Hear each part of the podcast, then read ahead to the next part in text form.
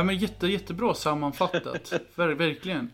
Eh, jag tänkte på en liten fråga eh, som, du, eh, som jag har tänkt på. Och det är ju det att eh, nu när vi ligger i, eller vi lever i en eh, väldigt digital värld. 90-talet eh, som jag växte upp på var det ju ändå väldigt mycket klassiska och fysiska böcker man läste. Eh, I dagens samhälle är det ju väldigt mycket rörligt material som gäller. Folk lyssnar på poddar, folk lyssnar på ljudböcker och sådär. Hur märker du av ungdomar för att dina barnböcker och böcker är ju väldigt inriktade för ungdomar. Eh, det är ju såklart också för, för, för hela allmänheten. Men har du känt av när du väl är ute, för du är ju ute och föreläser lite ibland. Och har du känt av att eh, ungdomar idag inte läser lika mycket? Oh ja, det märks, det märks på många olika sätt och, och eh, det mer Eh, tydliga sättet som man har sett de senaste åren det är det att faktiskt bokförlagen efterfrågar eh, kortare manus. De, eh, där vi tidigare, när jag och Anders, när vi, när, när vi kände att nu vill vi ge våra läsare rejält med material. Vill, vi ville ju liksom att ett manus skulle vara 150-200 sidor liksom, när vi lämnar det ifrån oss. Men idag säger väl bokförlagen att, att den typen av böcker den ska max kanske vara 80 sidor när vi lämnar det i manus. Så, så det är ju ett tecken på att, att lässtyrkan hos de unga har blivit mindre för att de orkar inte på samma sätt ta sig igenom en, en tjockare bok utan de behöver ha lite snabbare och, och lite, ja, men lite mindre textmassa helt enkelt. Och, och, sen så märker man ju också att, att eh, i, för oss så har vi märkt en väldig övergång från, från de eh, fysiska böckerna till ljudböckerna. De, de, det har ju blivit väldigt, väldigt stort för oss. Mm, jag fattar. Men nu när du är inne lite på eh, att jobba med mycket bokförlag så är jag lite nyfiken på, har, har ni ett och samma bokförlag som ni alltid jobbar med eller har ni spridit ut böckerna på olika bokförlag? Det, har också varit lite olika under årens lopp. När vi började ge ut från allra första början så var det ett eh, litet, litet bokförlag som hörde av sig till oss och ville ge ut de här böckerna. Eh, och sen så gick vi eh, över till, till det största bokförlaget där Astrid Lindgren och Barbro Lindgren och alla de här gav ut sina barnböcker. Och sen så har vi bytt några gånger under årens lopp och idag så är det så att vi ger ut på lite olika förlag, olika typ av böcker. Um, vi ger ju inte ut allting tillsammans jag och Anders. Anders har en, en, egen utgivning och jag har också en egen utgivning och det, då får man ju liksom hitta olika ingångar på ja, men vilka förlag som passar för just den berättelsen. Mm, jag förstår. Eh, och en, en annan fråga här med just ljudböcker. När ni själv eh, lägger ut ljudböckerna, eh, är det ni själva som spelar in själva ljudrösterna eller tar ni in eh, folk för, för sånt? Hur funkar det? Oftast eftersom vi, vi, vi har, som vi brukar säga, radioutseende både jag och Anders. Vi passar väldigt bra i radion och slipper man se hur vi ser ut. Eh, eh, så, så, började vi ju redan från början att, att läsa våra egna berättelser på radion. Anders läste Sune och blev då väldigt, eh, hans röst blev väldigt identifierad med, med karaktären Sune. Så att, så att det är många som, som tycker att det är att det skulle vara svårt att ersätta Anders röst som en, en, en eh, skådespelare som skulle göra den rösten. Och jag eh, började läsa Bert och jag har även läst Håkan Bråkan och Galna Gatan. Så vi har delat upp väldigt mycket olika karaktärer då. och sen så har man ju då fått hitta en berättarröst för de olika. När jag läser Bert så är det då ska det ju låta mer som, som att jag faktiskt är en, en 14-åring som, som skriver i sin hemliga dagbok då så är det Hej hej hallå dagboken och så vidare så att man har en man lägger tonen på ett annat sätt och sen när man då läser dem så blir ju det en det blir ett, ett igenkännande. Mm så, så, som vi tycker är viktigt för den som lyssnar på ett radioprogram eller en podd eller på en, en, en ljudbok. Då. Ja, men det är som du säger, man går liksom in i karaktären också på ett sätt. Mm, precis. Men jag, försöker, jag vill hoppa tillbaks där lite, som du sa där när, när ni var 90 19 och helt mm. plötsligt skulle ni eh, komma ut med en, en, bok. Och då förstod ju inte ni hur stort Sune och Bert skulle bli. Och jag vill bara komma tillbaks till den bubblan eh, just då, vad ni tänkte när ni släppte er första bok. Vad liksom gick era tankar? Var det jätteläskigt att gå ut med det här? Vem kommer ens läsa de här böckerna? Ta oss tillbaks. Nej, aldrig läskigt utan det var allt det här precis som jag också var inne på att, att det var ju en hobby. Det var, här var ju någonting som vi tyckte var så himla kul. Det var att få vara kreativ, få berätta på olika sätt och eh, göra musik och radioprogram och nu gjorde vi böcker och så gjorde man tv-program och allt det där var ju bara det är någonting som jag och Anders har pratat om nu på senare år en del att, att vi, vi var så aktiva och vi är ju fortfarande väldigt aktiva så, men, men vi stannade sällan upp och, och, kände av att oj, wow, nu har vi faktiskt gjort den här grejen utan det var bara nästa projekt och nästa projekt och nästa projekt och man körde på bara av ren lust och inspiration helt enkelt. Mm, jag förstår. Men du, som du sa lite här, från böcker till, film då, eh, och om vi pratar lite nutid. Eh, vad, vad, vad, tycker du är roligast att jobba med? Är det film eller är det böcker eller är det en kombination av båda? Det är en kombination av allting. Alltså, eh, det är väldigt roligt att sitta och skriva en bok för att, för att då är man väldigt fri. Alltså, om jag skriver den helt själv då är det ju bara jag som bestämmer allting. Jag bestämmer förutsättningarna och vad som ska hända och hur det ska sluta och på vilket sätt och så vidare. I en film så är det ju många fler som ska vara med och tycka och tänka och ha åsikter om hur man får till det här på bästa sätt och så. så att, men det är också inspirerande att, att liksom försöka få till en, en dramaturgisk berättelse som då ska funka för tv eller film och så. Så det, det är också ett roligt sätt att jobba. Och jag har alltid tyckt om att jobba med andra människor. Jag har jag tycker att det, samarbeten är väldigt kul. Och det, men det är därför jag och Anders har samarbetat så många år. Och jag har även skrivit de senare böckerna om Luna eh, tillsammans med eh, Martin Svensson och Leif Eriksson. Och, och, och den här typen av att man, man gör saker tillsammans, så man slänger in en idé och någon nappar på den eller säger nej men det håller inte. Och då då släpper man det. Att, att, det är någonting i det här bollandet av idéer som jag tycker är otroligt kul och, och, och stimulerande. Mm. Ja, jag förstår. Men, men du, eh, om, jag är lite nyfiken på det här just när de här böckerna ska bli film, om det är så att äger ni liksom rättigheterna till de här karaktärerna och hur börjar man ett samtal med att vi ska göra den här boken till en film? Hur liksom involverade är ni? Det är väldigt olika. Det kan ju vara på många, många olika sätt. Vi äger rättigheterna, grundrättigheterna till, till alla, alla våra verk. Men oftast så är det ju så att det är ett eh, tv eller filmbolag som hör av sig till oss och säger vi skulle vilja göra, nu är det aktuellt att göra en Håkan Bråkan-film i år till mm. exempel. Och, och då då kan ju vi tycka att ja, men det är en kul idé, det, det kan man ju gå vidare med. Mm. Och sen då hur mycket vi vill vara involverade i manusprocessen, det, det är lite olika. En del, en del känner man att Nej, men det här vill jag vara med och jobba med och vara med mer delaktig i. Eh, vissa saker släpper man och, och, genom åren så tycker jag personligen att, att jag vill gärna ha en viss kontroll och vara med och ändå ha en, en ett inflytande över vad som händer så att inte det här drar iväg från de, de, de världar som jag och Anders har skapat.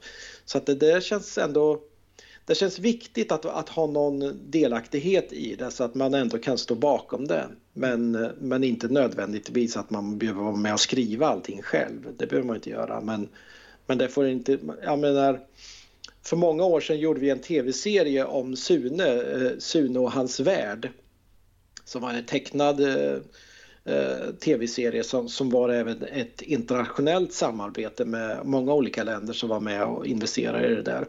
Och då var det bland annat någon av de utländska producenterna som kom på idén att ja, men Sune ska nog inte tycka om tjejer. Han ska vara jätterädd för tjejer istället. Och när man hör sånt så känner, då, då är ju, man ju tacksam att man kan vara där och säga stopp.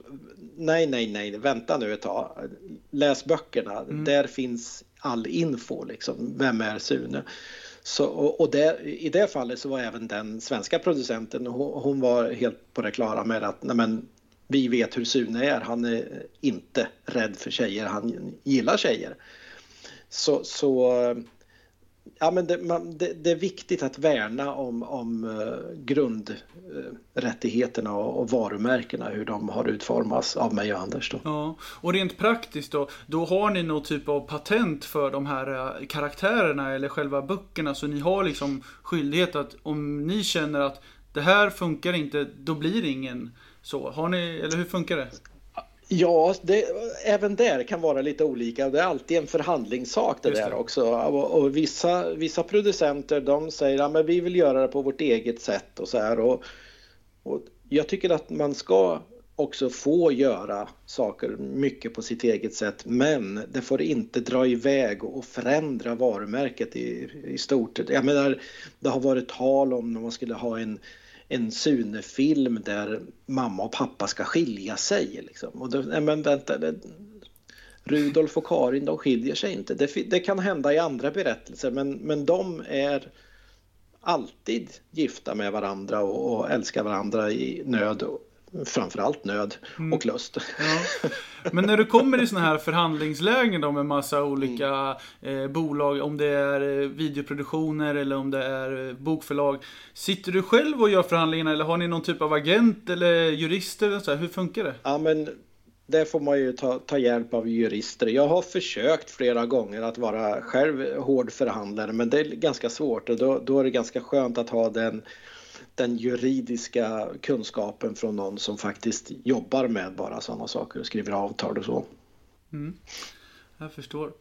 Men du, eh, som du sa eh, i början här, du är ju egenföretagare. Eh, mm. Är det så att du har eget företag eller har ni det tillsammans du och Anders? Hur ser det ut? Från allra första början när vi startade, och då gjorde vi ett handelsbolag vi visste inte riktigt vad, vi, vi tyckte att det lät ungefär lagom ja. avancerat. Eh, handelsbolaget Vräk hette det, för det var ett gammalt släktnamn, Vrä, Handelsbolaget Vräk. Eh, då gjorde vi misstaget att göra en, en hitlåt som hette Hej hej hemskt mycket hej under det handelsbolaget och det blev liksom aldrig något bra för det hade ju varit bättre om vi då hade haft ett aktiebolag och kunnat lagt in de intäkterna i. Men det hade vi inte då, så då startade vi även ett gemensamt aktiebolag som heter Änglatroll eh, som vi har haft under många, många år. Men eh, sen så kände väl eh, vi båda att vi behövde ha ett varsitt bolag egentligen och efter det så har jag ett eget bolag och Anders ett eget bolag så att vi har två separata. Mm. Härligt. Men du, jag tänkte vi skulle gå in på just det som är aktuellt just nu. Eh, mm. Och det är ju den här nya tv-serien med, med Bert. Eh, och mm. även den här uh, boken Luna och superkraften. Eh, men, men jag vill först fråga om den här serien då med Bert. Vad är det vi kan förvänta oss av det och hur delaktig är du i det projektet? Jag har varit delaktig så att eh, från början så var det ju då eh, FLX som, som, som eh, kontaktade oss och ville göra det här och då skulle det göras tre stycken långfilmer. Eh, den första långfilmen gjordes och då var jag delaktig som eh, någon form av manuskonsulent och, och, och, var med och tyckte och tänkte om det manuset. Sen var det tänkt att jag skulle skriva manuset till film nummer tre i den sviten av tre, tre långfilmer. Men eh, sen hände ju hela den här pandemin och, och allting förändrades väldigt dramatiskt på, på olika sätt. Och, eh, därför så, så, så pitchar de istället den här idén om att göra en ny Bert-TV-serie. Och eh, där har eh, jag läst manus och varit med och gett mina synpunkter. Men jag har inte varit med och skrivit någonting på det manuset. Och det är väl tänkt att det ska bli en säsong två av den också. Mm. Tror jag. ja. ja. Spännande. Det återstår att se då. Eh, mm, men när släpps den här serien då? Den har släppts Ja. på Simor men den kommer komma även på, på TV4. Jag vet inte riktigt tidsramarna för det där när, när den kommer. Men... Ehm, ja, jag tänkte på en sak där jag är lite nyfiken. För nu är ju Netflix det hetaste man kan kolla på. Och ni har ju otroligt mycket filmer som ligger ute. Har, har ni mycket saker på Netflix? Jag vet inte riktigt vad som finns på Netflix. Det finns väl en del av de här äldre Sune-filmerna, eller äldre, ja, de, vi har ju gjort Sune i så många olika omgångar. Vi började med Sunes jul, Mm. det var ju julkalender 91 Klassiskt. och sen eh, Sunes sommar 93. Eh, och sen så, så dröjde det ju alltså till, till många, många år senare innan vi gjorde Sune i Grekland då, och eh, Sune på bilsemester och Sune i fjällen. Eh, och sen de tre senaste filmerna. Och då är det ju då eh, Sune vs Sune och eh, Sune bäst. Men de två har ju kommit ut. Och den tredje filmen Sune uppdrag midsommar. Den skulle ju egentligen ha gått upp nu i julas. Men, men på grund av den här pandemin så fick den skjutas. Och den kommer att ha premiär nu i sommar istället. Och där har jag varit med och skrivit manus också. Mm, jag förstår. Eh, men du, du sa ju själv lite i början här, vad jag snappade upp, att du knappt ser dig själv som en, en författare utan mer en berättare. Men jag tänkte jag skulle ta, ta ner dig på jorden lite där, för att ni har ju faktiskt vunnit otroligt mycket priser och utmärkelser. Bland annat nominerad till Guldbaggen-nominering för filmen Sune vs Sune. Du har vunnit Örebros kulturpris. Ni har blivit nominerade i, i, i massa utmärkelser och festivalpriser och så. Så att någonting gör det ju bra i alla fall. Eh, kan jag ju säga. Men det är ju säkert väldigt smickrande att höra de här eh, utmärkelserna. Men, men vad går igenom ditt huvud när du, när du kollar på den här meritlistan? Hur lång, liksom, många priser ni har vunnit? Hur känns det liksom? Ja, nej, men det är alltid väldigt hedrande när man blir uppmärksammad på det där sättet också. Eh, Örebro har ju fått några olika priser, för, kulturpris och, och, och eh, priset till eh, ja, men massa olika som vi har fått när vi, när vi bodde där, både jag och Anders. Eh, så det är väldigt hedrande, men man blir väldigt glad, men det är också vad ska jag säga, det, det betyder ju egentligen inte så mycket. Eh, det som verkligen betyder något kan jag tycka än idag efter 38 år, det är ju när man faktiskt får höra från de verkliga läsarna vad de har tyckt och, och, och deras reaktioner och hur mycket det har betytt för dem. När man får höra den här typen av eh, vittnesmål om, om vad våra berättelser har betytt för någon som kanske mådde dåligt under sin uppväxt och, och, och det enda tröst man kunde hitta var i en Bert-bok. Och det, det betyder otroligt mycket när man känner att det man har skrivit och berättat utifrån sin egen lust och glädje att berätta har faktiskt eh, fastnat och betytt mycket för en läsare. Det, det är mycket mer värt än ett en statyett i en eh, bokhylla tycker jag. Mm. Ja, men jättebra. Du är faktiskt inne på lite den frågan som jag tänkte ställa nu, ställa nu. Men vad är det liksom du motiveras av? Alltså, det, det jag motiveras av det är ju någonstans livet så som det är och, och, att man får ny inspiration hela tiden. Jag, jag vet egentligen inte hur det är möjligt att skriva eh, 200 böcker om de här karaktärerna. Utan det är det att jag tar tacksamt emot när det ploppar ner en idé i skallen och, och, och, och det som, som inspirerar och, och bränslet i det, det är ju att det är så förbaskat kul. Det är ju världens roligaste jobb fortfarande tycker jag. Det är så roligt att kunna känna den här känslan och det är någonting som jag faktiskt önskar alla människor på jorden. Att, att, man, att man ska känna sådär Åh, äntligen är det måndag, då får man börja jobba igen. Alltså vad man än jobbar med, man, alla kan inte bli författare utan vilket yrke man än har, att man faktiskt känner en lust att gå till jobbet. Inte det här att åh, fy sjutton, nu är det måndag igen, åh vad jobbigt, när är det inte fredag snart? Uh, jag menar, det, så är det för mig. Jag älskar mitt jobb och tycker att det är fantastiskt. Jag är ödmjukt tacksam för att få jobba med det här och ha det som mitt yrke. Mm.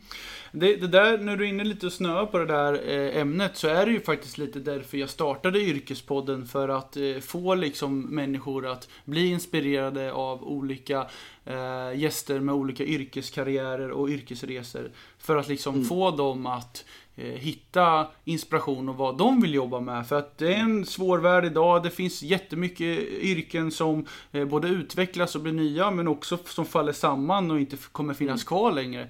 Så att eh, mm. det, det, är stora beslut och stora frågor och det behöver inte vara mm. att man har ett svar utan man får testa sig fram liksom. Absolut.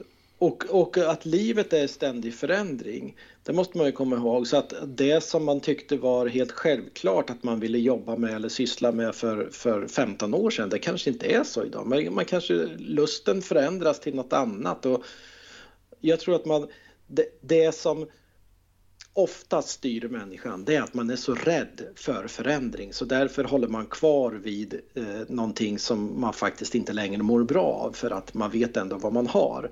Och, och ibland krävs det det där lilla extra modet att, att men som man säger att, att eh, jag är livrädd för att göra det här men jag gör det ändå.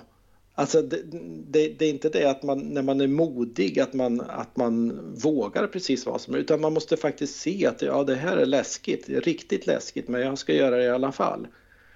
Det, det, det är stort men jag tror att, att vi alla människor vinner väldigt mycket av i längden av att göra de förändringarna, våga kasta sig ut i förändringar för att vad i livet förändras inte. Mm. Ja, men helt rätt, instämmer där. Du, jag är lite nyfiken på dina framtidsplaner Sören. Vad är de? Mm. Ja, det finns ju väldigt mycket saker fortfarande kvar att, att skriva. Jag har, jag har eh, senast igår så skrev jag upp på, jag har i mitt arbetsrum en sån där whiteboard så skrev jag upp de här idéerna måste jag renskriva nu och det var ju liksom, det fyllde ju den här whiteboarden med, med idéer som är halvfärdiga som bara finns embryo till. Alltså, rätt vad det är så pluppar det ner någon idé sådär. Jag har vissa egna projekt och sådana som är tillsammans med andra författare också.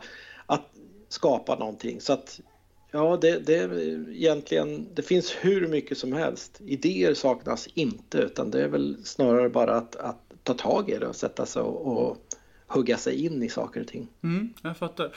Men om vi går på något konkret då, är det någon bok som du kommer släppa som du får eh, liksom eh, ta oss in i lite eller är det någon, något filmprojekt? Ja, absolut. Det, dels så är det ju så att, att du har ju um, Just nu igår så läste jag in en ny Bert-bok som kommer komma som ljudbok nu och den är i tre delar så att den kommer komma som alla tre ljudboksdelarna och sen så kommer den komma alla tre samlade i en volym som, som även fysisk träbok som man säger. Mm, mm. Uh, uh, så, så den, den är alldeles ny och, så vi fyller på med mycket ljudböcker just nu och uh, även så, så, eh, är det på gång lite olika tv-serier som jag, också, eh, som jag också är involverad i och skriver på. Och sen så har jag en del e mm, egna bokprojekt som jag också jobbar med. Så att, eh, eh, och sen så har ju jag och Anders en gammal, gammal, gammal bokidé som vi började spåna med på 1985. Oj. Som vi har, ja det är en hel värld som vi har liksom skapat och spånat under årens lopp och till slut så var vi sådär att vågar vi ens börja skriva det här? Tänk ifall vi inte, det blir så bra som vi vill. Och där har vi nu äntligen börjat ta tag i den och skrivit den första boken och det kommer bli en serie på fem, sex böcker kanske. Och eh, den första boken är färdig där och den känns också väldigt inspirerande att äntligen börja ta tag i och skriva på. Mm. Jag har bara en ja. liten följdfråga där när du är inne på just eh, Anders där. Hur ser liksom ert samarbete eh, ihop? Liksom, hörs ni av varje dag och går igenom saker och ting eller hur funkar det mellan er två? Nej, Nej, vi hörs inte alls av varje dag och inte heller... Eh, vi träffas väldigt, väldigt, väldigt sällan för han bor på, ner på västkusten och jag här uppe i Hälsingland så vi, avståndet är ju väldigt stort. Mm. Men vi hälsar på varandra ibland och, och, sitter och jobbar intensivt och sen så som sagt var, som jag började prata här, idag är ju väldigt mycket på remote, att man jobbar på distans och man, man vi, alltså när en idé väljer att ploppa ner i min skalle och jag skriver ner den och skickar iväg den i ett mejl till Anders, då kan ju det sätta igång en tankeprocess i honom och det föder nya idéer och så här. Så att vi bollar ju idéer på, med sms och mejl och så vidare hela tiden. Så att mm. ja, det, det är ett... Från början så var det viktigt att då satt vi vid samma bord med papper och penna när vi skrev våra, våra radiomanus på den tiden. Men det behöver vi inte göra nu längre. Nej, jag fattar. ja, men du, kul. Eh, vi ska faktiskt avrunda intervjun. Eh, och alla mina gäster i Yrkespodden ska ju alltid få ge lite avslutande tips då. Och då ska du tänka utifrån ditt yrke då som författare och illustratör. Eh, då ska du liksom tänka ut, ja men om du har ett tips eller två, tre tips, det får du välja själv. Men om någon här känner att, ja, det här som Sören gör, det vill jag också göra. Vad ska jag mm. tänka på för att bli som han? Alltså, om, om man vill bli en berättare eller en författare. Det, man stöter ju på det, jag har gjort det under årens lopp, många som säger jag, skulle, jag funderar på att skriva en bok.